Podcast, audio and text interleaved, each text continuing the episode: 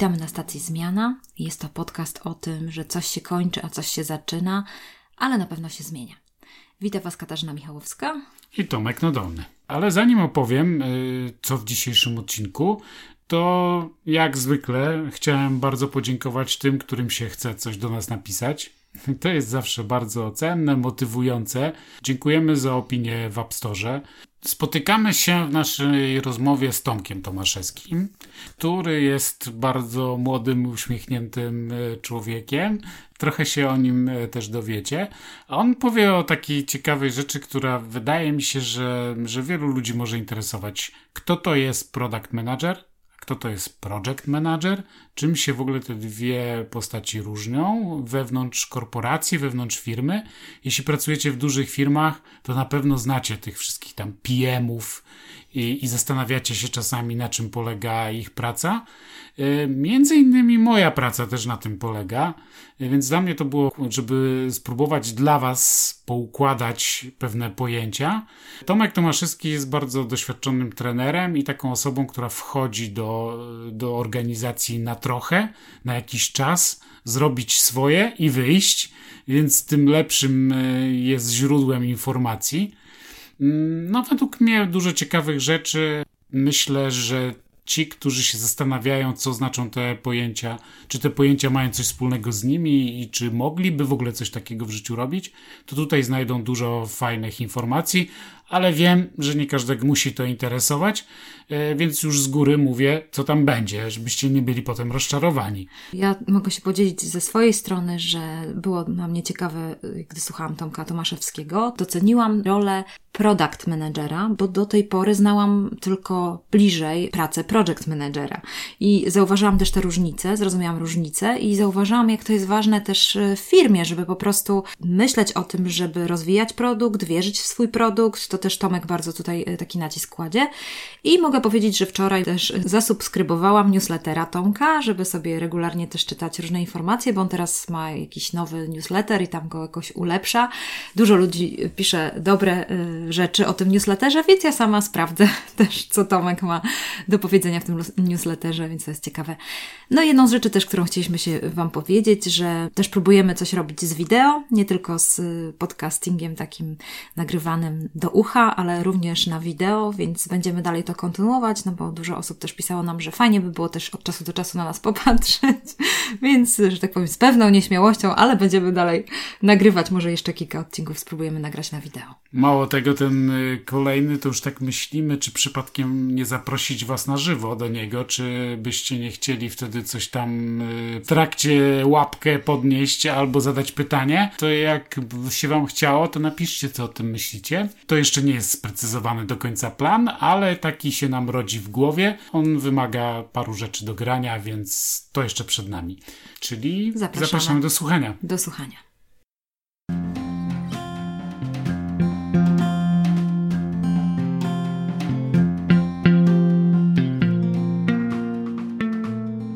Dzień dobry, witamy Was w stacji Zmiana. Witam Was Tomek Nadolny i Kasia Michałowska. No i nasz gość. E, naszym gościem jest dziś kolejny Tomek. E, Tomek Tomaszewski. Tomek, opowiedz coś o sobie. E, cześć, dzięki za przedstawienie i dzięki za zaproszenie. Zajmuję się tworzeniem nowych produktów i usług innowacyjnych. Mam swoją firmę, w której właśnie pomagamy tworzyć takie usługi, produkty innym przedsiębiorstwom, zarówno startupom, jak i, jak i dużym firmom. E, staramy się korzystać z tego, co, co gdzieś na świecie e, teraz jest do tego wykorzystywane, tak? Czyli startup, design thinking, myślenie generalnie projektowe, myślenie, myślenie o tym, jak te innowacje tworzyć, e, a prywatnie lubię bardzo jeździć rowerem i możecie mnie spotkać na gdańskich na gdańskich szlakach rowerowych. No i miesiąc temu wziąłem ślub. Nie zachęciliście przed startem tego podcastu do tego, żeby się pochwalić, więc, więc mogę się pochwalić. A właśnie a propos roweru, powiedz, jaka jest Twoja najdłuższa trasa, którą zrobiłeś w życiu? E, moja najdłuższa trasa to jest 170 km z Gdańska do Chełmna. Kiedyś miałem takie właśnie marzenie, żeby, żeby przejechać do mojego rodzinnego miasta z Gdańska i zawsze co roku mówiłem, że tak, uda mi się w tym roku, tak, uda mi się w tym roku i w zeszłym roku rzeczywiście powiedziałem, dobra, muszę w końcu to zrobić i przejechałem te 170 km. Zresztą to pytanie było właśnie na ślubie moim w, podczas quizu do rodziny, jaka była najdłuższa moja, moja trasa rowerowa i wiedzieli, zgadli.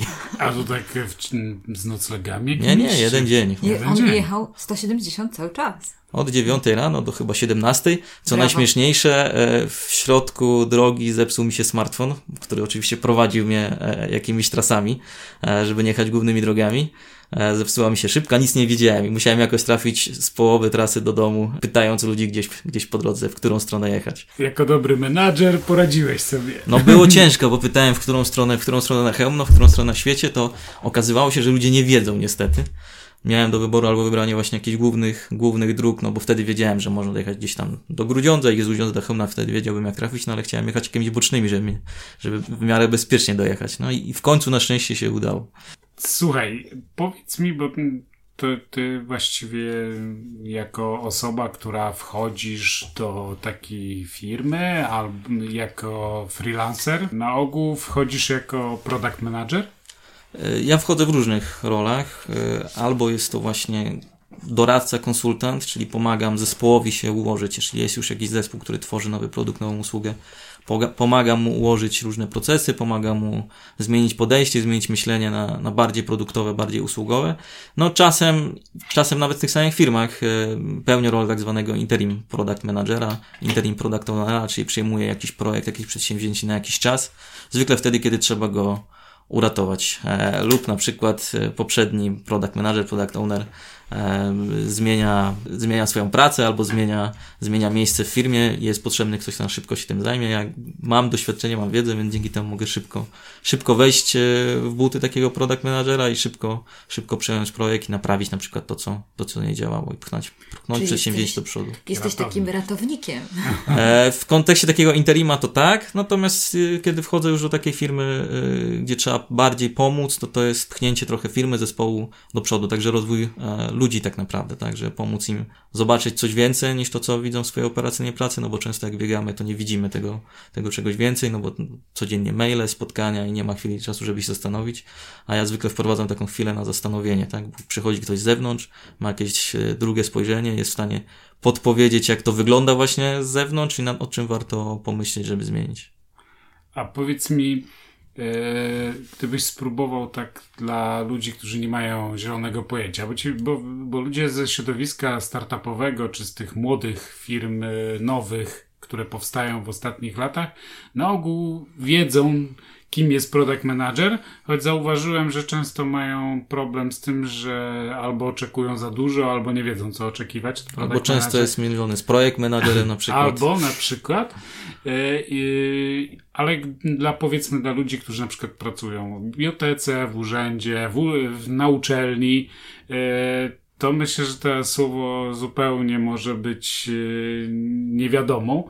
Spróbuj powiedzieć, kim właściwie jest product manager. Mhm. To, kto to Może warto się najpierw zastanowić, czym w ogóle jest produkt, tak? Bo jeżeli ktoś ma zarządzać produktem, to czym, czym generalnie jest produkt. E, I można sobie powiedzieć tak, że jakby każde przedsięwzięcie kończy się jakimś produktem, że w sensie coś dostarczamy, czy to jest jakaś część biznesowa i mamy jakieś produkty, tak? Mamy produkt e, w formie jakiegoś fizycznego produktu, albo możemy mieć bardziej elektroniczny, ja się takimi zajmuję, na przykład Facebook jest swego rodzaju produktem, tak? Wcześniej nasza klasa jest swego rodzaju produktem. E, strona główna e, Onetu, czy strona główna jakiegoś e, wydawnictwa, tak, jest swego rodzaju produktem, którym trzeba się zająć. Ten produkt żyje przez cały czas. To nie jest tak, że on kiedyś zaczyna i kończy. Czyli jak nasz podcast. Nasz podcast to też taki produkt. Podcast w, w dłuższej perspektywie, czyli generalnie stacja zmiana jest swego rodzaju produktem. Jeden podcast, e, czyli to, co na przykład dzisiaj nagrywamy, jest bardziej projektem, czyli się zaczyna i kończy. Natomiast, natomiast stacji zmiany chyba nie, nie macie zamiaru kończyć, tylko bardziej rozwijać, e, czyli jest swego rodzaju produktem. I właśnie taki product manager zajmuje się rozwojem tego produktu przez cały cykl życia. On zwykle styka takie trzy dziedziny tego życia. Jedna to jest ta część operacyjna, techniczna, czyli e, musi zadbać o to, żeby coś powstało, coś działało, czyli ten fizyczny produkt. Ta część biznesowa, czyli musi się to gdzieś w cudzysłowie sprzedać, musimy dotrzeć do odbiorców. No i trzecia część to jest ta część użytkownika, czyli trzeba sprawić, że ten produkt jeszcze był fajny w użyciu, żeby ludzie chcieli go używać, żeby był dla nich e, przyjemny i doświadczenia z nim związane były, były bardzo fajne. Czyli taki product manager to jest szef produktu, który spina trochę te trzy, trzy perspektywy. Tą perspektywę biznesową, perspektywę użytkownika i perspektywę techniczną, no bo zwykle są inni ludzie, którzy gdzieś nad tym produktem pracują, tak? Jeżeli to jest produkt techniczny, to pracują programiści, którzy go muszą stworzyć, pracuje sprzedaż, który musi ten produkt sprzedać i pracuje jakiś projektant, który sprawia, żeby e, ten produkt był przyjemny w użyciu właśnie. Żeby się okazywało, że ktoś go w ogóle potrzebuje. Tak, i takim produktem może być bardzo wiele rzeczy. My często o tym nie myślimy, myślimy bardziej z perspektywy, że robię właśnie jakiś projekt, który ma się gdzieś kończyć i zaczynać, a tak naprawdę y, trzeba o wielu rzeczach myśleć w dłuższej perspektywie i to może być zarówno właśnie taki produkt techniczny, ale też swego rodzaju biblioteka jest jakąś częścią, y, jakimś częścią produktem, tak? Ktoś z niej chce korzystać i po co chce korzystać. I teraz trzeba sobie odpowiedzieć na pytanie, po co chce z niej korzystać y, i w jaki sposób sprawić, żeby to było z jednej strony przyjemne dla tych, którzy chcą korzystać, a z drugiej strony, żeby też spinało się pewnie biznesowo. Rozumiem, że y, te produkty, które ty raczej rozwijasz, są związane z branżą IT. W większości, tak? Tak, to są generalnie produkty techniczne, stąd się gdzieś tam wywodzę, aczkolwiek y, pojawiają się różne inne, takie jak na przykład produkty szkoleniowe, bo też zajmuję się ja szkoleniami, moja, moja żona się zajmuje szkoleniami, więc y, też takie produkty szkoleniowe tak naprawdę y, tworzymy. I teraz y, mam do Ciebie pytanie, Tomek, bo na pewno jakieś narzędzia, które używasz w swojej pracy, one są zapewne też trochę inne niż standardowo myśli się o rozwijaniu produktu. Jakie Ty narzędzia tam używasz? Czego z czego skorzystasz? Ja myślę, że podstawowym narzędziem takim w zarządzaniu czymkolwiek jest kartka i ołówek papieru, czyli żeby umieć sobie coś... Czyli powrót do źródła. Tak, powrót do, do źródła, żeby umieć sobie swój pomysł gdzieś e, rozrysować, żeby to, co chcę, chcesz, czym, czym chcę zarządzać, żeby umieć sobie rozrysować i ułożyć tak naprawdę w głowie, bo chodzi o to, żeby ułożyć sobie w głowie, a nie żeby, żeby rysować dla samego e, rysowania. Tu się przydaje kartka, tablica, ołówek, pisak, tak? I to jest takie podstawowe narzędzie. Natomiast na pewno dużo się przydaje takich narzędzi związanych z komunikacją i ułożeniem sobie gdzieś współpracy z ludźmi, no bo tak jak mówiłem, product manager, product owner zwykle nie robi nic e, w cudzysłowie sam, tylko są odpowiedni ludzie w zespole, które pewne rzeczy robią i trzeba z nimi dobrze współpracować i tutaj przychodzą, do, przychodzą mi do głowy różne narzędzia do zarządzania e, projektami, bo też są do tego wykorzystywane, tak, do komunikacji, do, do ustalania sobie zadań e, i do współpracy. Znaczy, z tego, co ja Ciebie już znam, to ja myślę, że Ty jesteś bardzo sympatycznym człowiekiem, więc e, o tyle masz łatwość, że jesteś tym sympatycznym trybem, w zesp- e, trybikiem w zespole i pewnie łatwo wchodzisz w takie nowe środowisko, bo masz taki naturalny dar uśmiechu i, i tego, że jesteś życzliwie nastawiony i do świata, i do ludzi. Ale gdybyś, gdybyśmy chcieli powiedzieć innym, którzy myślą, hmm, może ja właściwie pełnię taką rolę product managera, a może jestem, a może chciałbym być, to jakie według Ciebie musi ten ktoś mieć predyspozycję? Czym to się różni od innych zawodów czy od innych stanowisk pracy? E, na pewno widzę już tutaj to takie, że, że musisz umieć łączyć kropki różne i różnych ludzi, różne funkcje i tak dalej, ale ty chyba sam wiesz, na ile to jest skomplikowane albo bardzo proste. No tak, generalnie to łączenie kropek, czyli łączenie różnych ludzi, łączenie różnych pomysłów jest chyba tutaj jedną z ważniejszych rzeczy, czyli umieć spiąć różne różne dziedziny. E, takimi product managerami zwykle zostają ludzie, którzy rzeczywiście e, widzą trochę szerzej albo chcą widzieć trochę szerzej niż jakiś malutki odcinek działalności, skupiają się na szerszej perspektywie. Mają jakiś pomysł e, i myślę, że bardzo ważna jest wiara w ten pomysł, czyli że jakby wierzyć w to, co się chce robić. Bo bardzo często pracujemy w takim operacyjnym działaniu, gdzie no robimy, ale w sumie nie wiemy po co, i czy jest sens to robić, czy chcemy to w ogóle robić. A taki product manager, jeżeli nie wierzy w swój pomysł, czy nie wierzy w swój produkt, przedsięwzięcie, no to wtedy, wtedy na pewno mu się nie, nie uda i e, bym powiedział, że tacy product managerowie dobrzy muszą być w cudzysłowie osobami wierzącymi, właśnie wierzącymi swoje, w to, co, czym się zajmują i w ten, ten swój e, produkt. No myślę, że taką podstawową drugą kompetencją jest y, komunikacja, tak? Czyli umieć rozmawiać z ludźmi, umieć z nimi współpracować, umieć się dogadać, bo jest też tak, że e, bardzo często musimy sobie ułożyć współpracę, tak? Ktoś nam ten produkt na przykład daje, jakiś prezes firmy, tak? Czy, czy jakiś interesariusz i teraz my musimy zrobić tak, żeby było zgodnie z naszą wizją, ale z drugiej strony zadbać o to, żeby inni byli zadowoleni. I to jest zawsze trochę taka walka między w cudzysłowie młotem i kowadłem, żeby znaleźć ten e, złoty środek te, na to, więc komunikacja na pewno też jest bardzo Nie wystarczy bardzo być bardzo mocno sfokusowanym, czy tam, nie wiem, czy nastawionym na cel, bo jeszcze trzeba też umieć popatrzeć e, na, na cały horyzont e, i, i na to, co jest dookoła, na otoczenie czasami nie, ci, którzy tak mocno prą do celu, nie, czasami robią to, no, jak No, to się mówi, po trupach. Tak, to jest dobre w kontekście właśnie projektu. Żeby zrobić projekt i go skończyć, to czasem się tak udaje. Tak idziemy po trupach, nie zważając na to, co się dzieje dookoła, no bo w końcu projekt się kończy. A z produktem właśnie już tak niestety nie można. A właściwie nawet stety nie można, tak? Bo trzeba myśleć o tym, kto jest gdzieś dookoła tego przedsięwzięcia i jak zadbać o to, żeby ludzie chcieli z nami dalej pracować, ludzie chcieli wierzyć w ten nasz pomysł, w tą naszą, w tą naszą wizję. Co jest, myślę, że taka najważ, najtrudniejsza rzecz, bo z jednej strony trzeba umieć powiedzieć nie wielu rzeczom, trzeba powiedzieć nie wielu pomysłom, żeby nie skomplikować zbytnio tego, co chce się zrobić. No a z drugiej strony trzeba zadbać, żeby ludzie gdzieś e, czuli się też związani z tym produktem. I to, to jest właśnie ta, ta komunikacja, to jest ta umiejętność dogadywania się z ludźmi. No trzecia ważna rzecz na pewno to są ustalania priorytetów. To jest taka podstawa w ogóle pracy jakiegokolwiek product managera, product ownera, czyli ułożyć co po kolei robimy, co jest najważniejsze. Bo zawsze jest za mało pieniędzy, zawsze jest za mało ludzi, zawsze jest za dużo pomysłów, żeby e, móc to zrealizować i trzeba ułożyć priorytety względem tego, co jest najważniejsze i to jest, to jest taka trzecia, myślę, że kluczowa, kluczowa kompetencja każdego product, product managera. No i jest też tak, jak mówiłeś, tak, że tak naprawdę bardzo często jesteśmy tymi właścicielami produktów, e, trochę tego nie nazywając, nie mówiąc, e, nie mając na stanowisku napisany product manager, product owner, bo to są ludzie gdzieś, którzy się zajmują albo marketingiem często, tak, to są ludzie, którzy gdzieś realizują na przykład projekty, myślę, że realizują projekty, tak naprawdę produkt, są ludzie, którzy po prostu w jakimś firmie zostają oddelegowani do zajęcia się jakimś tematem, tak.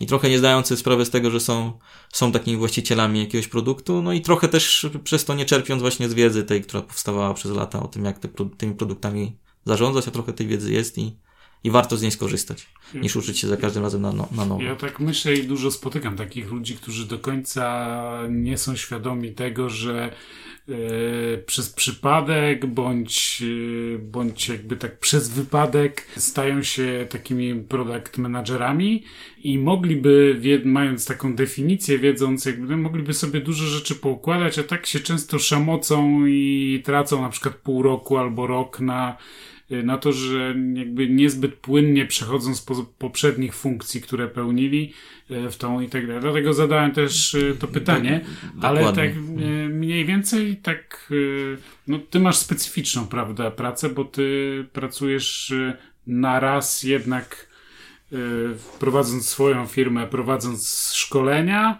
a jednocześnie jesteś często też w jakichś, w jakichś innych firmach jako taki element, który wchodzi i coś tam próbuje spiąć, dokończyć albo koło ratunkowe jakieś rzucić, ale tak mniej więcej taki product manager, jak pracuje w firmie, na przykład tylko się zajmuje jednym produktem, to mniej więcej na czym polega jego praca? Jak wygląda jego dzień, tydzień?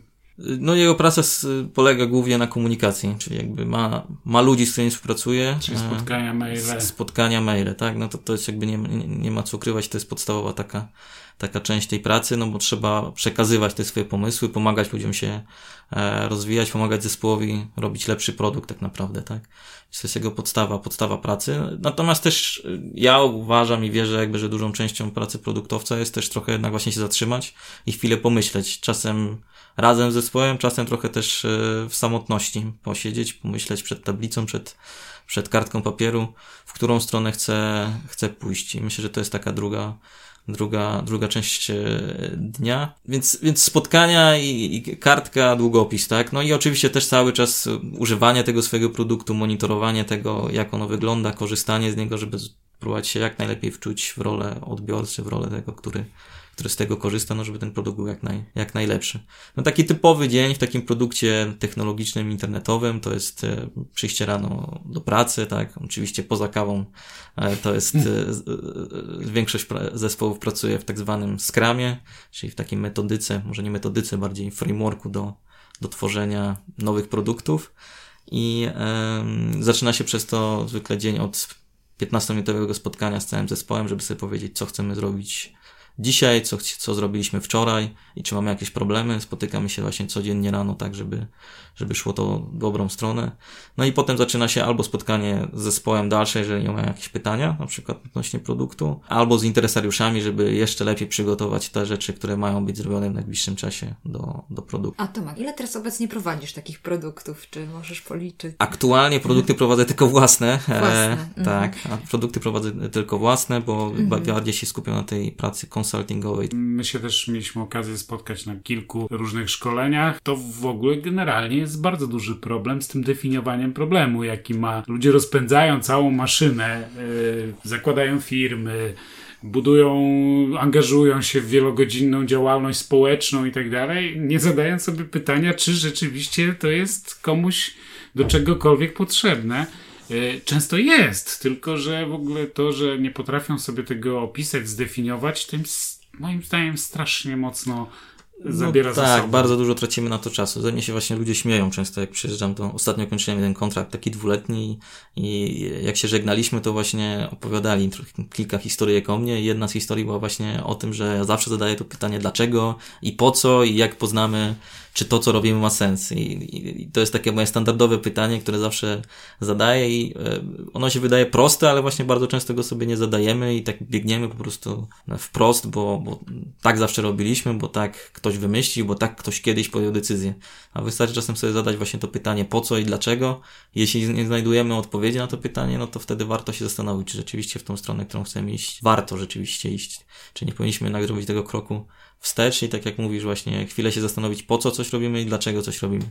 Też ta odpowiedź nie jest taka jednoznaczna, ona jakby żyje z cyklem życia produktu, czy z cyklem życia jakiegokolwiek przedsięwzięcia, które robimy, bo ono się może zmieniać, dlatego warto sobie co jakiś czas wracać do tego pytania, tak? Tak naprawdę też praca produktowca na tym polega, żeby na nowo ciągle odkrywać odpowiedź na to pytanie. Dlaczego coś robimy, po co coś robimy, dla kogo coś robimy, czy on tego potrzebuje, czy chce tego.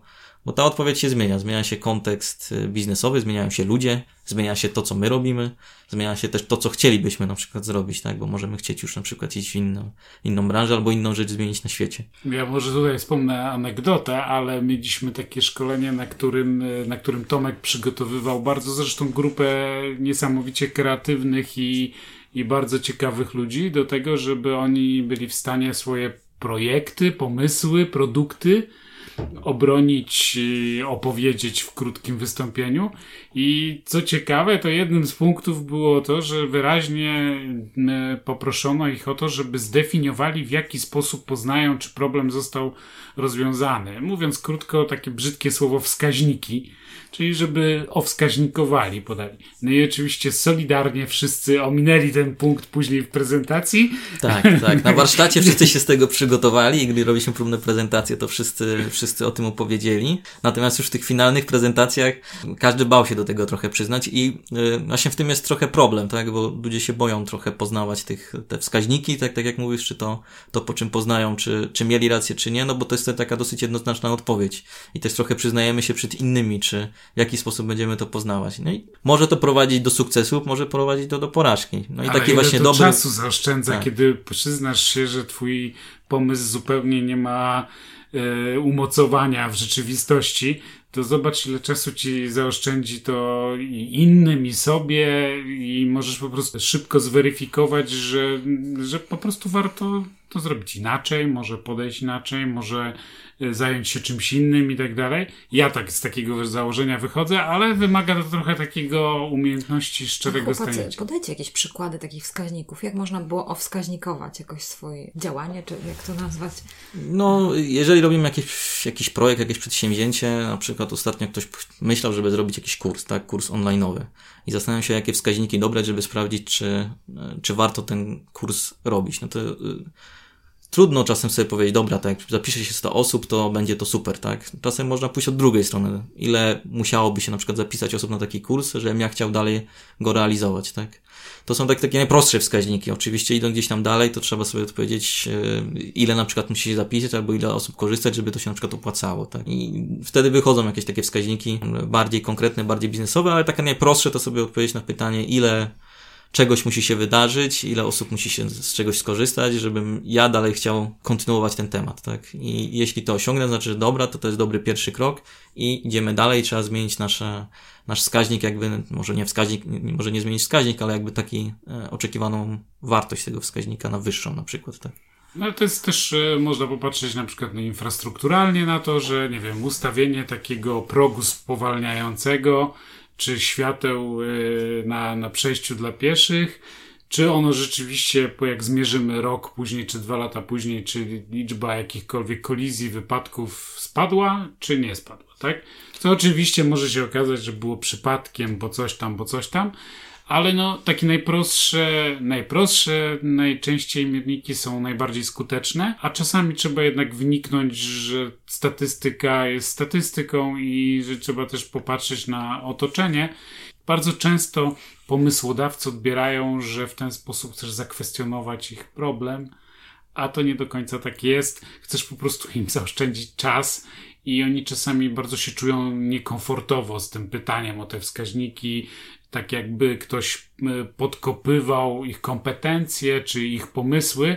Między innymi, jeśli ktoś słucha ten podcast i miewa czasami takie myśli, to nie, to zupełnie ma inny sens. Znaczy, sensem tego jest to, żeby wiedzieć, czy ja się uczę o swoim pomyśle, czy o swoim problemie jakby y, coraz więcej, tak? No bo generalnie, jeżeli startuję coś nowego, innowacyjnego i to w różnych aspektach, czy w życiu swoim prywatnym, czy nawet w instytucjach publicznych, czy, czy w życiu zawodowym, czy w biznesie, jak startuję jakiś nowy pomysł, to jest bardzo dużo niewiadomych i tak naprawdę takim celem pierwszym, kogokolwiek kto się takim y, pomysłem zajmuje, powinno być rozwianie tej niepewności i dowiedzenie się jak najwięcej o, e, o tym problemie, o, o kontekście tego problemu. I dopóki nie będziemy czegoś mierzyć, to tak naprawdę nie będziemy sobie w stanie jasno odpowiedzieć na pytanie, czy rzeczywiście to, co myślałem, to się sprawdziło, czy się nie sprawdziło, tak?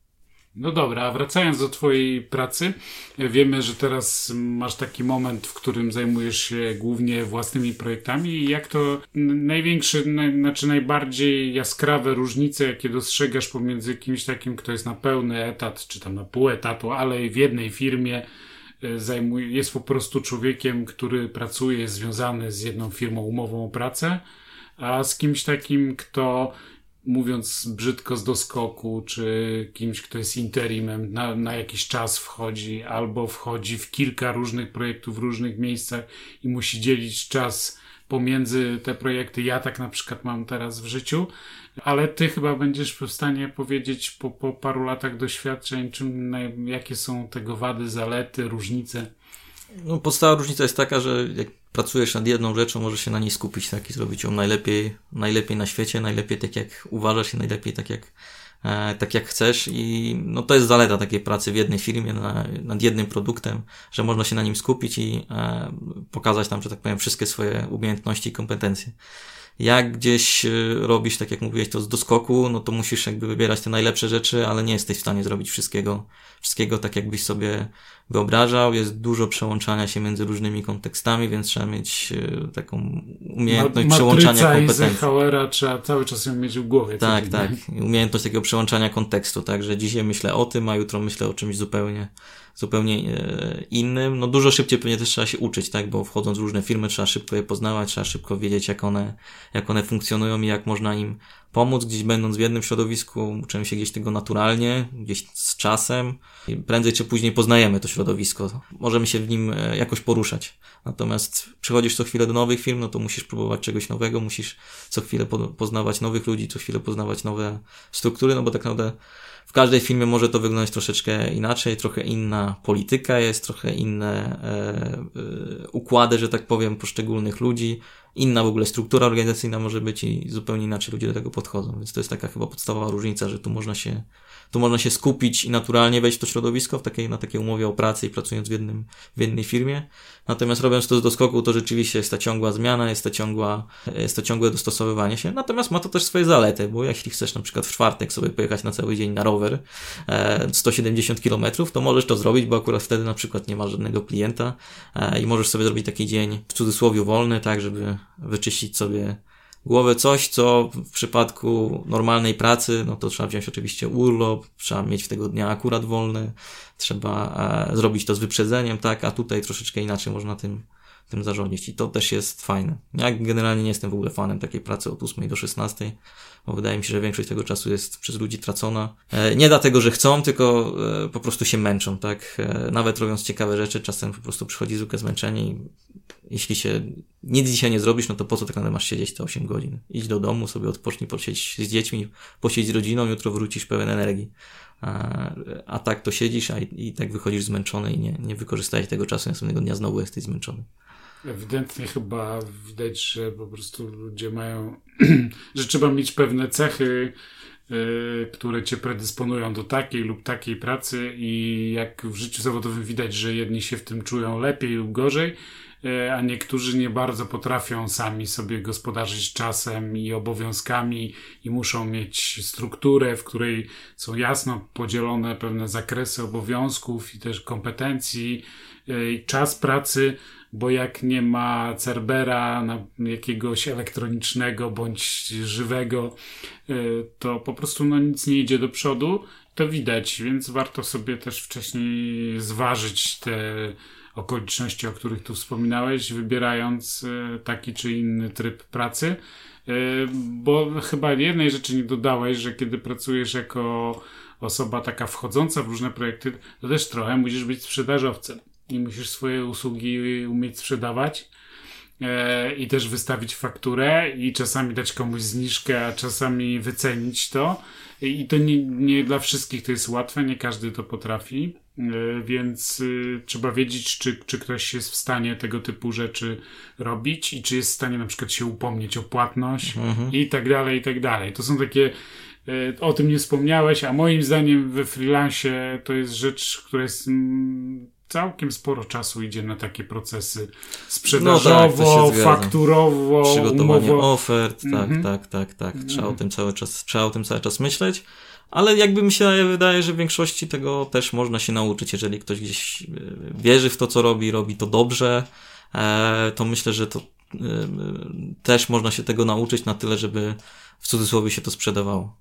Jak uważasz, czy taki produkt manager musi być bardziej wizjonerem, czy bardziej takim być skupionym na zadaniach? W sensie takim, że dobrze planować, mhm. rozpisać te zadania i umieć znaleźć tych ludzi, którzy wykonają, dobrze rozdać to, delegować, czy raczej właśnie mieć ten pomysł, czy wtedy ty jako pracując y, szukasz takiej osoby, która jest z wizją i jakoś korzystasz z jej zasobów? To są to? takie dwa typy product managerów, czy generalnie ludzi zajmujących się jakimiś przedsięwzięciami. Są tacy, którzy są od tego, żeby dostać e, od kogoś, że tak powiem, z góry wizję, e, że róbmy, idźmy w tamtą stronę i zrób to fajnie operacyjnie.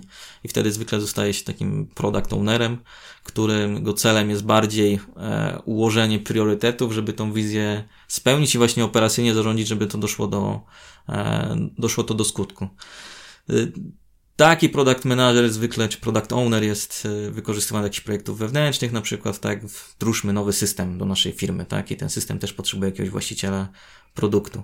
E, lub na przykład prezes ma jakąś pomysł, jakąś wizję i chce, chce pracować nad tym pomysłem, ale potrzebuje kogoś do operacyjnej pracy. I wtedy, wtedy jest potrzebny ktoś, kto, kto potrafi tym zarządzić i ma jakąś, e, ma, potrafi tą wizję przekuć na konkretne działania. I to jest taki jeden typ product ownerów i takich też oczywiście firmy szukają i tacy są też potrzebni. E, drugi typ to jest właśnie ten z wizją, tak? Czyli trzeba zrobić coś nowego, coś innowacyjnego, trzeba wypuścić nowy produkt na rynek, nową usługę, wystartujemy jako nasza firma.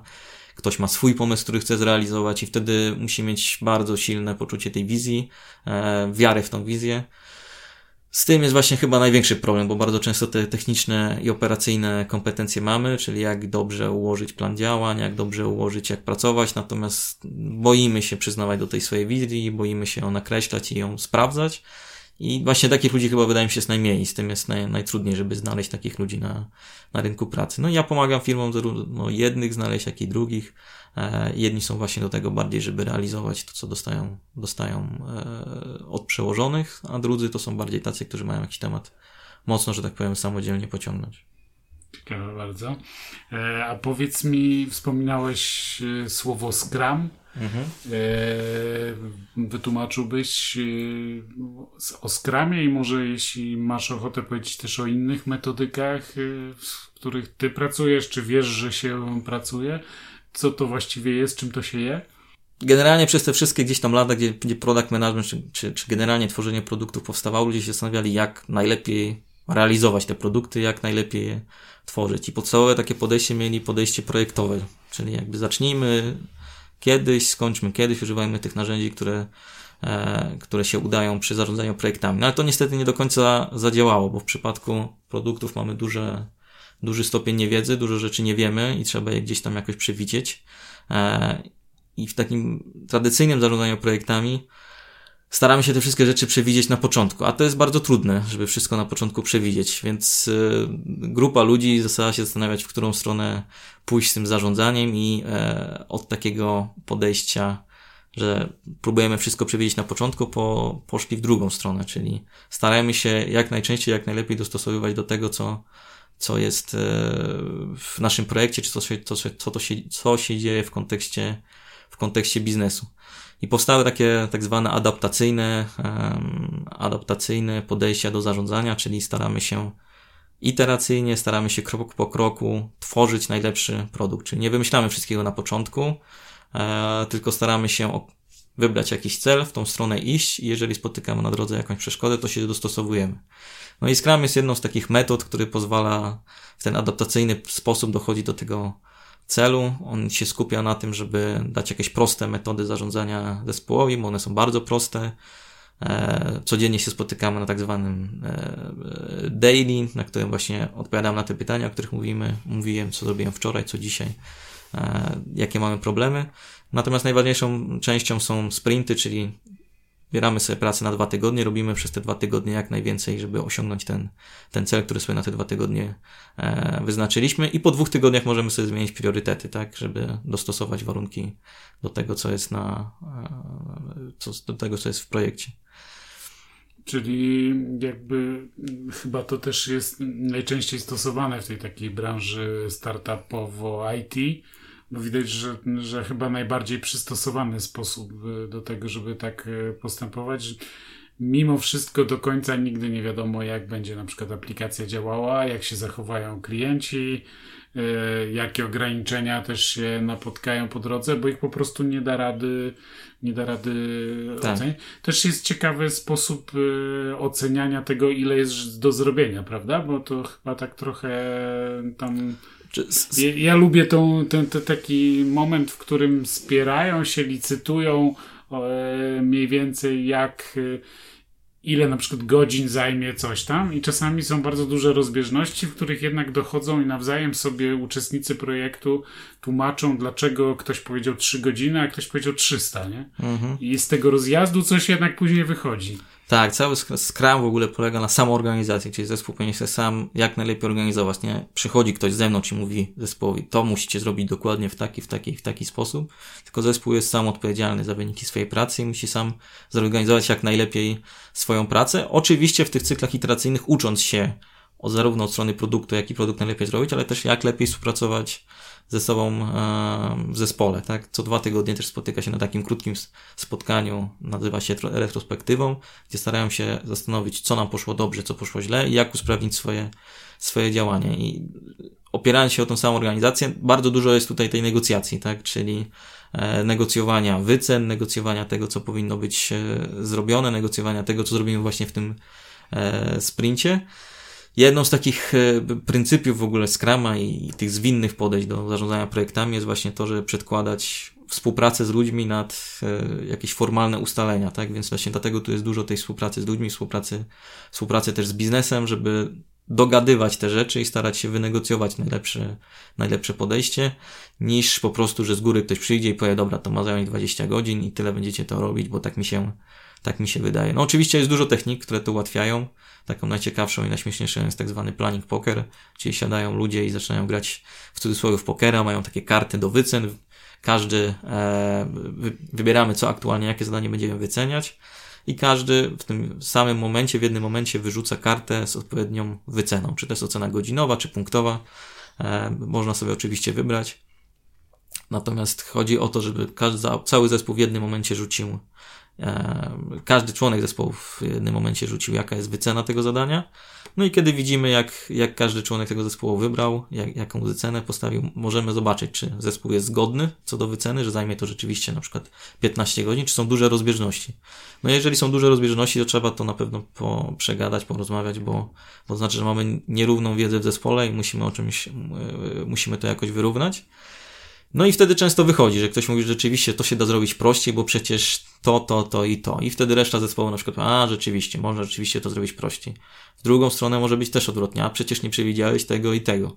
I pojawia się, aha, no to rzeczywiście wyceniliśmy to za mało. Jest bardzo dużo tej rozmowy i dyskusji, natomiast jest to, jest ona właśnie trochę motywowana tą wyceną. To nie jest tak, że po prostu usiądźmy, po, pogadajmy nad zadaniem, ale kiedy ktoś już musi powiedzieć, ile dokładnie mu to zajmie, to wtedy zaczyna się zastanawiać i zadawać sobie pytania i rozmawiać z innymi. To jest taka fajna technika, e, która trochę wspiera tą, wspiera tą rozmowę, daje taką kanwę do rozmowy, tak? To, że muszę to wycenić, każdy, każdy musi to wycenić i to nie będzie anonimowo sprawia, że, e, że każdy chce jednak porozmawiać o tym zadaniu i dowiedzieć się o nim jak najwięcej. Czyli komunikacja musi tak. zostać usprawniona wewnątrz. A yy, z tego, co tak opowiadasz o charakterystyce tej pracy, to wynika, że ona jest naprawdę strasznie fajna praca. E, wygląda, że ją lubisz, ale powiedz, e, bo to nie pada tutaj to słowo zbyt często, ale moim zdaniem pojawia się po drodze dużo problemów. E, I tego się nie da uniknąć. I jakie najczęściej? Co, co, co jakby z czym się zwykle musisz mierzyć i to zarówno wchodząc do, do jakiejś już na przygotowany grunt, czy zastępując kogoś, czy tworząc, budując tak od początku jakąś grupę, zespół, który będzie produkt budował, to jakie problemy no, Problemów jest całe, całe mnóstwo jakby, tak? No, można, kilka można... fajnych wymienić. naj, naj, e, takim podstawowym na przykład w korporacjach to jest e, sposób myślenia, tak? Korporacje są bardziej dostosowane do tego, żeby pomału rozwijać pewne rzeczy, a kiedy trzeba zrobić coś nowego i innowacyjnego, trzeba stworzyć nowy produkt, to trzeba zmienić ten sposób myślenia i nie ma tego innego sposobu myślenia w korporacji, tak? I jeżeli ktoś spróbuje zastosować nowe metody, to, to często się to kończy fiaskiem, bo inni nie chcą, nie chcą się do nich dostosować, więc to jest taki podstawowy problem, z którym ktoś, kto chce coś nowego właśnie zastosować, z tym się, z czym się zderza. No, oczywiście to nie jest problem do, nie, do, nie do pokonania, tak? Bo tu wchodzi oczywiście w grę edukacja, wchodzi w grę wciągnięcie takich ludzi do takiego projektu przedsięwzięcia, żeby zobaczyć, że to działa i rzeczywiście po jakimś czasie ludzie dostrzegają w, takim, w tym wartość i zaczynają zmieniać swój sposób myślenia. Natomiast takim podstawowym problemem jest właśnie Opór sposób... przed zmianą w dużych takich tak. Y, organizacjach, które już mają trwałą strukturę i trwałe rozwiązania za, za ten. A tak. jakiś kolejny? Tak, jeszcze tylko dopowiem, że te sposoby myślenia to nie muszą być tylko właśnie gdzieś tam w menadżmencie, ale czasem też w tym zespole, z którym pracujemy, tak? Bo oni też są przyzwyczajeni do tego, żeby w jakiś sposób taki operacyjny po prostu pracować, że każdy ma swoją działeczkę i nie myślimy o tym, żeby zrobić jak najlepszy produkt, tak? I, i to jest taki podstawowy, myślę, że, że problem, z którym się, którym się każdy produktowiec spotka. Drugi to jest y, problem mówienia nie, Czyli wszyscy będą przychodzić z różnymi pomysłami do, do ciebie, jeżeli zajmujesz się jakimś tematem, jakimś produktem. No możesz przecież dodać jeszcze to, a w naszym dziale to by nam zależało na tym, a w naszym dziale to by jeszcze na czymś innym nam zależało. I często te interesy są sprzeczne. I teraz taki product manager musi to pogodzić, tak? Bo nie zawsze to, co dla marketingu jest dobre, jest też dobre na przykład dla sprzedaży albo dla działu jakiegoś innego operacyjnego, tak?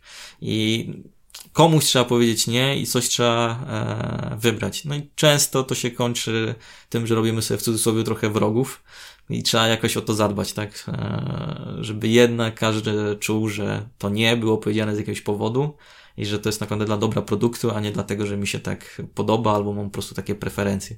Więc to jest myślę, że taka druga, drugi duży problem w korporacjach, czyli jakby każdy przychodzi swoim pomysłem, nikt nie chce słyszeć tego nie, a trzeba to nie komuś, e, komuś powiedzieć, tak? To jest drugi taki, taki dosyć duży, duży problem. No i trzeci problem to jest ten, y, że się nie zatrzymujemy na chwilę, że nikt nie chce się zatrzymywać na chwilę i zastanowić się nad tym pytaniem, dlaczego, po co, e, w jakim celu. No bo każdy ma te zadania swoje operacyjne i mówi, że na to nie ma czasu i e, wyodrębnienie tego czasu na to, żeby się chwilę zastanowić jest też bardzo, bardzo trudne w tego typu, w tego typu firmach właśnie.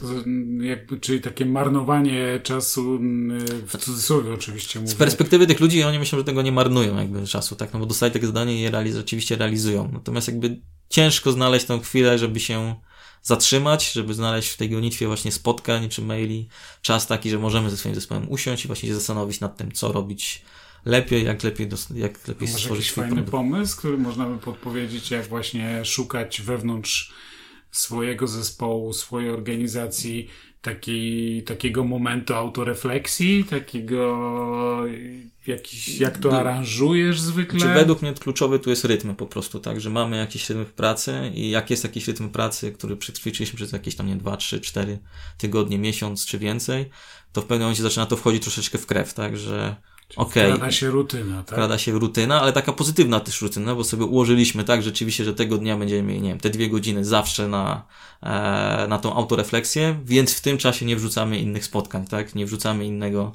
innej rzeczy. No i druga sprawa to jest zadbanie, żeby ten czas autorefleksji był rzeczywiście ważny, tak? Żeby każdy widział, że są jakieś efekty tego, bo jak nie będzie widział żadnych efektów, no to wtedy mimo tego, że mamy rytm, to potem powie, no dobra, spotykamy się o czterech tygodni, co tydzień i tak to nic nie, i tak nam nic to nie daje. efektów? Jak to, jak, jak na przykład? To... Zaczynamy się lepiej między sobą dogadywać. Na przykład ja miałem wewnętrznie jakiś problem ze swoim zespołem i jakby przez dwa lata nie można było tego rozwiązać, a teraz przyszły nagle takie spotkania autorefleksyjne i okazało się, że rzeczywiście jesteśmy w stanie rozwiązać ten problem, tak? I nikt się na mnie nie obraził, że powiedziałem, że coś nie działa, tak? I spróbowaliśmy znaleźć jakieś rozwiązanie. No też jest mnóstwo technik, które gdzieś ułatwiają wyjście z tym, tak? Żeby o tym opowiedzieć co nas boli, albo co powinniśmy, powinniśmy sprawić. No, ale najważniejsze, żeby ten czas był właśnie efektywny, żeby ludzie się trochę też podczas tego czasu bawili, tak, żeby byli w stanie coś wyciągnąć z tego spotkania i najważniejsze, żeby przynosiło te efekty. Jeżeli znajdujemy jakiś problem albo coś do usprawnienia, to żebyśmy to wdrożyli, bo jak nie wdrożymy, no to szybko wszyscy zapomną Czyli i pomyślą. Znajdowanie to... tego czasu, wyodrębnienie go z tej mhm. codzienności jako coś jednak innego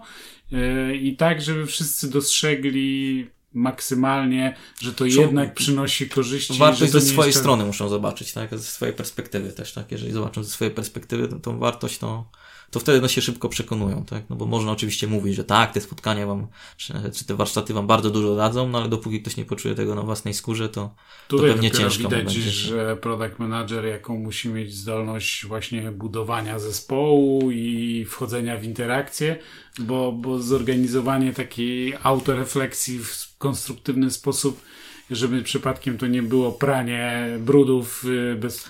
Tak, tak, tak, żeby to nie było mówienie, że ty jesteś zły, tamten jest zły, tak, tylko żeby rzeczywiście znaleźć te prawdziwe problemy i spróbować je rozwiązać, rozwiązać. Na szczęście tu do pomocy ma rzeczywiście w tym frameworku Scrum, Scrum Mastera, czyli też kolejna rola, która pomaga w taki coachingowy sposób, w taki E, sposób mentorski trochę e, podpowiada tym zespołom, jak lepiej pracować, więc e, nie jest oczywiście wszystko na głowie takiego product managera, natomiast no, jakby trochę o tym też musi myśleć, tak, i z tym się zderzyć. Tomek, mam pytanie. Jeżeli ty mówisz o tym, że wierzysz w produkt, mhm. to czy jeszcze wierzysz w ludzi? Jak ty, jak ty to widzisz? Czy widzisz zmiany? Mi chodzi o to, że, no rozumiesz, no, stosujesz tam jakieś sposoby, tutaj jest jakiś ten Scrum Manager i tak dalej, czy, czy ludzie się zmieniają?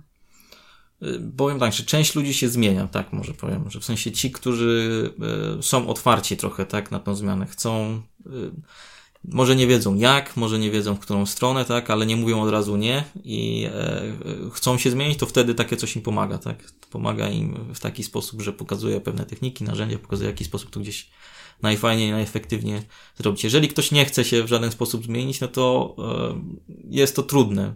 Czasem oczywiście jakiś tam odpowiedni bodziec pokazujący, że rzeczywiście to przynosi też wartość z Twojej perspektywy, że to przynosi jakąś wartość zespołowi. Czasem niektóry gdzieś potrafi, czasem potrafi zmienić ten sposób myślenia, ale to jest takie pół na pół, tak? Ci, którzy są zwykle totalnie na nie, no to i tak pewnie na nie pozostaną, tak? Natomiast jeżeli zaczną się zmieniać gdzieś e, ci, którzy chcą być na tak, to też ci na nie zaczynają widzieć troszeczkę coś innego i albo muszą zmienić wtedy na przykład pracę, bo okazało się, że kultura już do nich nie pasuje, bo oni wolą jakieś takie stare struktury, takie bardzo e, hierarchiczne na przykład. E, albo sami zaczynają dostrzegać w tym wartość i wtedy zaczynają się otwierać tą zmianę i ta praca, którą gdzieś wykonujemy, zaczyna przynosić też dla nich jakieś, jakieś rezultaty. Czyli w takim zespole, no, jakby próbując odwrócić to, co ty powiedziałeś, powiedzieć trochę inaczej, to właściwie im bardziej jesteś otwarty, im większą masz skłonność do uczenia się, i korzystania z doświadczeń, no to tym będziesz lepszym pracownikiem w tego typu strukturze, której jest praca nad produktem. No to jest podstawa tak naprawdę wszystkiego, tak, żeby chcieć się uczyć rozwijać i zmieniać tak naprawdę, tak, swój gdzieś tam sposób myślenia i próbować korzystać z tego, co nowe. Ja tak naprawdę też gdzieś wchodząc do każdej firmy też czegoś nowego się uczę, poznając nowych ludzi, którzy mają trochę inne, inne spojrzenie, też zaczynam odkrywać i dorzucać do tego swojego, do tej swojej wizji świata też, też nowe spostrzeżenia, albo wykreślam te, które wcześniej uważałem za słuszne, bo nagle się okazuje, że tak rzeczywistości nie jest, bo zobaczyłem, że w tej firmie, w tej firmie i w tej firmie coś wygląda inaczej i też na przykład działa, tak? A ja byłem pewien na przykład, że nigdy, nigdy w życiu to nie zadziała.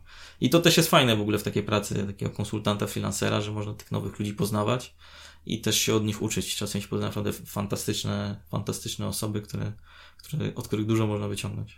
Fajnie, że to mówisz, bo moje następne pytanie jest o to, że kiedy tak obserwujesz, wchodząc w różne organizacje, obserwując różne kultury organizacyjne, różnych liderów, różnych założycieli firm, e, to pewnie też bardzo różne zespoły, to jak, po czym ty poznajesz, że firma według ciebie ma przyszłość, ma jakąś wizję, jest fajna? No, po czym poznać taką firmę, w której warto zostać na dłużej, albo może na. Teraz to już trudno myśleć o tym, żeby na kilkadziesiąt lat, ale że na kilka lat e, zostać w takim zespole. E, bo tak mi się wydaje, że czasami mamy duży z tym problem i metoda taka prób i błędów, w której wchodzimy na umowę o pracę na pół roku, na trzy miesiące jest no, mało efektywna, nie? Po czym poznać już tak na po krótkim poznaniu, że, że, że coś w tej firmie jest fajnego i ona, ona może coś zwojować. No to jest ciężkie pytanie. Tak mi się wydaje, że nie ma no, takiej jednoznacznej odpowiedzi. Nie ma jednoznacznej odpowiedzi. Po czym ja bym powiedział, że poznaję. Znaczy, pierwsza rzecz to jest taka, że nie da się tego poznać chyba z zewnątrz. Jakby trzeba wejść do wnętrza tej firmy i chwilę popracować z jakimkolwiek zespołem, tak? Czy idę tam do pracy, czy, czy idę tam właśnie do radek, czy być konsultantem, to jakby dopóki tam nie wejdę do środka, to, to ciężko powiedzieć, jak rzeczywiście to wewnątrz, wewnątrz wygląda. Ja myślę, że w ogóle cała rekrutację pracowników w taki sposób powinny wyglądać, nie, że spotykamy się na jakiejś rozmowie kwalifikacyjnej, której tak naprawdę tylko dotkniemy e, życia tej firmy, tylko na przykład przez kilka dni popracować razem w zespole i wtedy można poznać jedną, jedna strona, drugą stronę może poznać zarówno przyszły pracownik nową firmę, jak i drugą stronę, tak, firma pracownika, bo tylko w takich no, rzeczywistych działaniach jesteśmy w stanie zobaczyć ten, ten prawdziwy prawdziwy obraz. No i y, y, myślę, że jeżeli firma jest otwarta na zmiany, to to jest duży plus, tak, bo wtedy możemy e, możemy wprowadzać te swoje pomysły jakiekolwiek, tak, w życie, czy jeżeli firma zobaczy, że nam coś nie odpowiada, to będzie próbowała się jakoś tam dostosować, tak, żeby coś, coś zmienić. Myślę, że to jest, to jest bardzo ważne. No i myślę, że też y, jeśli to jest w ogóle najfajniejsza rzecz, jeśli coś takiego się wydarzy, wtedy do takiej firmy powinien każdy chyba pójść. Jeżeli spytamy szeregowego pracownika, po co ta firma istnieje, jaką ma swoją wizję i po co, co chce osiągnąć, jeżeli jest w stanie to odpowiedzieć, na to pytanie odpowiedzieć, to myślę, że jesteśmy w domu. Większość, większość pracowników nie jest w stanie powiedzieć, w którą stronę zmierza ich firma, po co jest, dlaczego, jaka jest. To nawet nie chodzi o to, żeby używać jakichś górnolotnych słów misja i wizja, tak? Chociaż do tego to się sprowadza, tak? Natomiast żeby umieć na te pytania odpowiedzieć. Firmy mają te misje i wizje spisane, ale tak naprawdę potem nikt nie czyta, tak jakby nie, pewnie nikt nie oczekuje, żeby tego czytać, tak? Natomiast jakby gdzieś taka świadomość pracowników chyba powinna być, jeżeli nie ma. Znaczy, że chyba też jest coś nie halo. E, a jeśli coś takiego w firmie jest, że taki szeregowy pracownik wie, jaka jest misja tej firmy, jaka jest wizja tej firmy, jakie są najbliższe cele, to ja bym się w takiej firmie zatrudnił od razu. No, chyba masz, masz chyba podobne, podobne opinie jak my. Widzę Kasia Kiwa Oj, tak, głową. Tak. Na przykład idziesz do urzędu i się pytasz, no ale po co tutaj, a Państwo są? No my tutaj jesteśmy po to, żeby Państwu pomóc, żeby rozwiązać Państwa problemy na przykład. I od razu myślisz sobie, wow, ale super.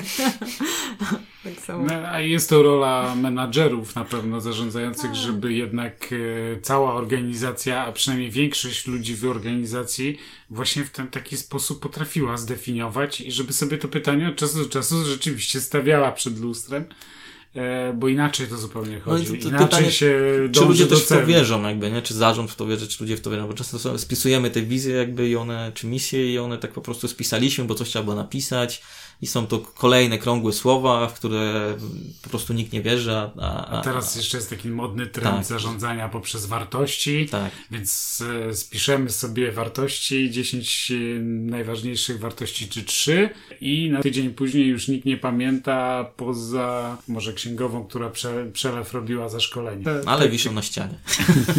Powiedz mi, czy wszystkie firmy potrzebują takich ludzi jak ty? Takich tego typu? Czy Nie, to- no wszystkie firmy myślę, że nie. Te, które działają dobrze, to pewnie nie potrzebują takich ludzi, takich ludzi jak ja. Natomiast to są zwykle albo... A produkt... y, taki- Jeśli chodzi o product ownerów, product managerów, no to myślę, że większość jakby firm potrzebuje rzeczywiście. Takie, które rzeczywiście tworzą jakieś nowe produkty czy nowe usługi. Potrzebują też różnych product managerów, tak? Jedni są ci bardziej innowacyjni, którzy mają mieć tą wizję, tak? To oni są bardziej do takich firm, które startują z nowymi produktami, z nowymi usługami, co chwilę coś próbują zmieniać, tak?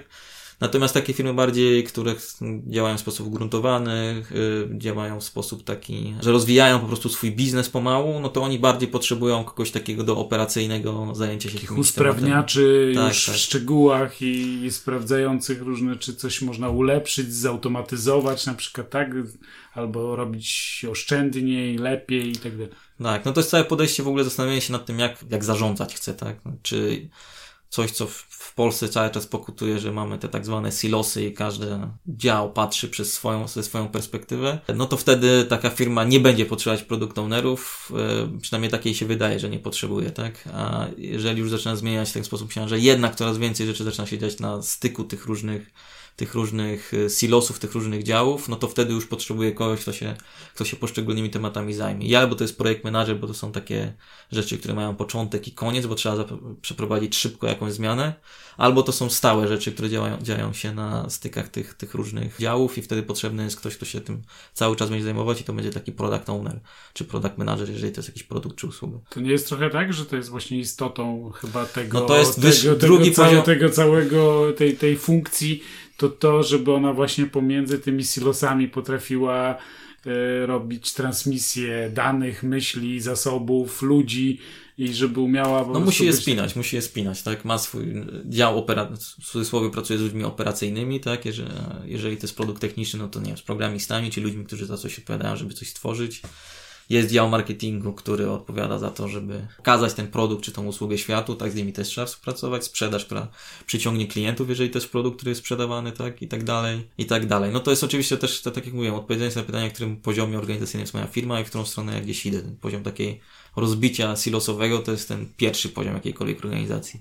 Wyżej to jest pewnie taka struktura macierzowa, czyli że mam takiego product ownera, który przechodzi przez te wszystkie działy i spina jakiś temat, a trzeci, jeszcze wyższy poziom to jest w ogóle odwrócenie, czyli jakby ważniejsze jest to, żeby skupiać ludzi wokół produktów czy tematów, a tak naprawdę te działy takie kompetencyjne, że ktoś jest programistą, że ktoś jest HR-owcem, że ktoś jest sprzedawcą, to jest coś dodatkowego, gdzie możemy ewentualnie się uczyć kompetencji, natomiast najważniejszy jest zespół ten produktowy czy ten tematyczny. W taki sposób na przykład działa Spotify, tak? E, Czy, czy, czy wiele firm, które, które odnoszą gdzieś tam sukcesy w tym świecie technologicznym, także one już nawet odchodzą od tej takiej silosowości bardziej na stronę, skupiamy ludzi wokół produktów.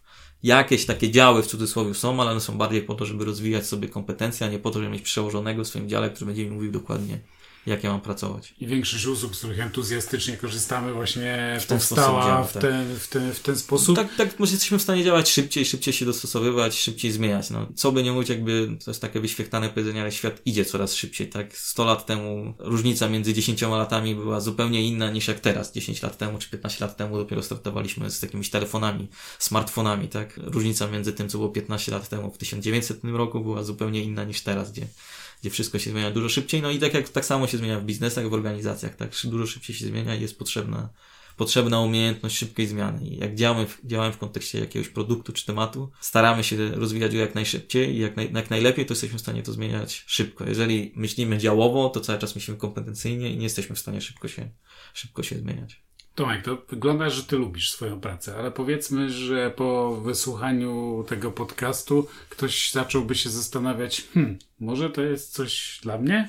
Może ja bym mógł być e, product managerem? To powiedz mi, kto może być product managerem, gdzie może szukać ewentualnie pracy, w jaki sposób się do tego przygotować. No nie ma przecież wydziału na uniwersytecie czy politechnice, który kształci konkretnie product managerów. To są często wcale, z tego co zauważyłem, najlepsi product managerowie niekoniecznie mają ten taki background IT. Mhm. Dobrze jak mają, ale niekoniecznie tak jest. E, powiedz, jak, jak w ogóle zacząć tego typu karierę? Okej, okay, to może najpierw od tego, kto powinien powinien o tym myśleć, tak? No przede wszystkim ktoś, kto się trochę nie boi utraty tej specjalizacji, bo jednak będąc product ownerem trochę traci się specjalizację różnego rodzaju, tak? Jak już wcześniej gdzieś pracowałem, tę specjalizację mam, tak? Byłem, nie wiem, dobrym programistą, byłem dobrym HR-owcem, byłem dobrym marketingowcem, byłem dobrym sprzedawcą, no to jeżeli skakujemy na to, na to stanowisko, to trochę tracimy tą specjalizację, tak? Bo zajmujemy się różnymi, wieloma różnymi tematami i e, nie jesteśmy w stanie się skupić na jednym obszarze, tak? I, i pierwsze to trzeba sobie odpowiedzieć na pytanie, czy ja jestem w stanie tą specjalizację e, stracić i będę takim generalistą, tak? Czyli, że będę w stanie nad wieloma tematami się zastanawiać. Jeżeli tak, to super. Jeżeli nie, no to jest, będzie ci ciężko, tak? Ja tak jestem też pomiędzy, na przykład ja bardzo lubię taką ekspercką wiedzę, dlatego pewnie między innymi poszedłem w, w te konsultacje i doradztwo i czasem takiej specjalizacji też mi czasem brakuje, tak? Więc z tym trzeba uważać, bo to się tak wydaje, że to jest taki mały, mały problem, a może być naprawdę duży.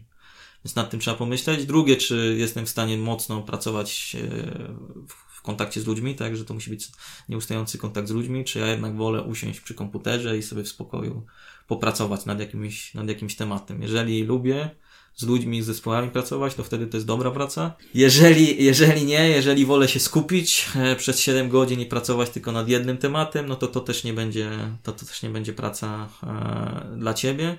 No i trzecie, myślę, czy jesteś takim, nie wiem, przedsiębiorczą osobą, która lubi wziąć na siebie odpowiedzialność, która lubi mówić osobom, innym osobom nie, a innym osobom tak, że lubi popro, lubi gdzieś być na, może niekoniecznie na świeczniku jakby, tak, ale tak gdzieś no, trochę z przodu tego zespołu bardzo często tak jest, tak.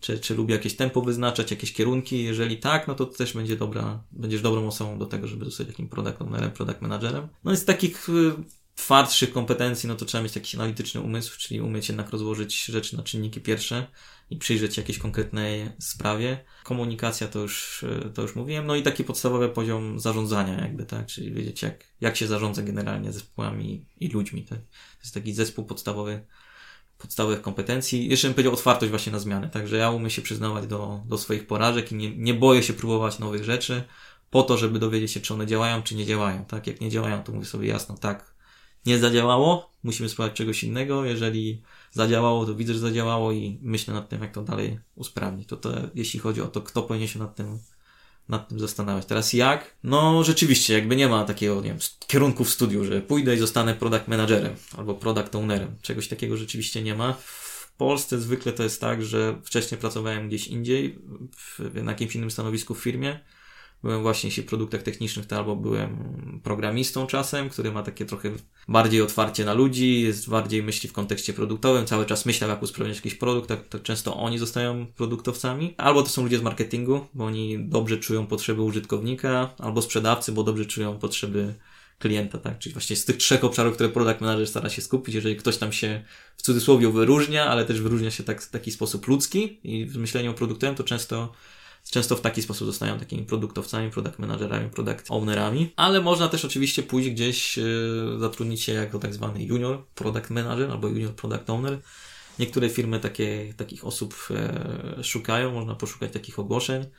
Ja prowadzę też bloga productvision.pl, tam mamy ogłoszenia o pracę między innymi, tak, albo staramy się właśnie uczyć młodych produktowców, jak jak e, tymi produktowcami e, zostać, czego się nauczyć, tak? Bo rzeczywiście widzimy tą lukę, że nie ma skąd czerpać tej, nie ma czerpać tą wiedzę, więc tam co tydzień publikujemy swoje artykuły, też artykuły różnych e, product managerów z różnych firm, którzy odpowiadają na, na pytania, jak być lepszym produktowcem, ale też czasem jak dostać na przykład pracę, gdzie, gdzie ją znaleźć.